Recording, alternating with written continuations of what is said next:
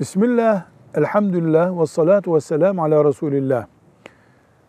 Kadın kocası namaz kılmıyor diye ondan boşanmalı mıdır? Bu soruya cevap vermeden önce bir soru sormak gerekiyor. Bu kılmamak namazı inkar etmekten mi kaynaklanıyor? Yani namaz diye bir şey yok demekten mi kaynaklanıyor? Tembellikten mi kaynaklanıyor? Eğer erkek namaza inanmıyorum diyorsa Müslüman değildir. Müslüman olmayan bir erkek Müslüman bir kadının kocası olamaz. Doğal bir boşanma gerçekleşmiş demektir. Kadın başının çaresine bakar. Hayır.